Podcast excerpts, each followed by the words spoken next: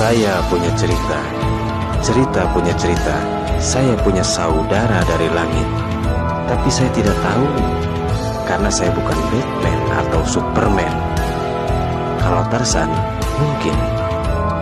Kalau ada orang berkata saya jahat atau baik, itu fitnah.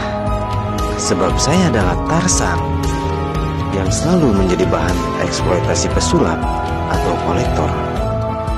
Ketika saudara saya bertanya kepada saya aku harus bagaimana, saya hanya mampu menjawab, jalankanlah 10 perintah dari Tuhan yang ada di dalam kotak surat. Karena itu bukan dongeng.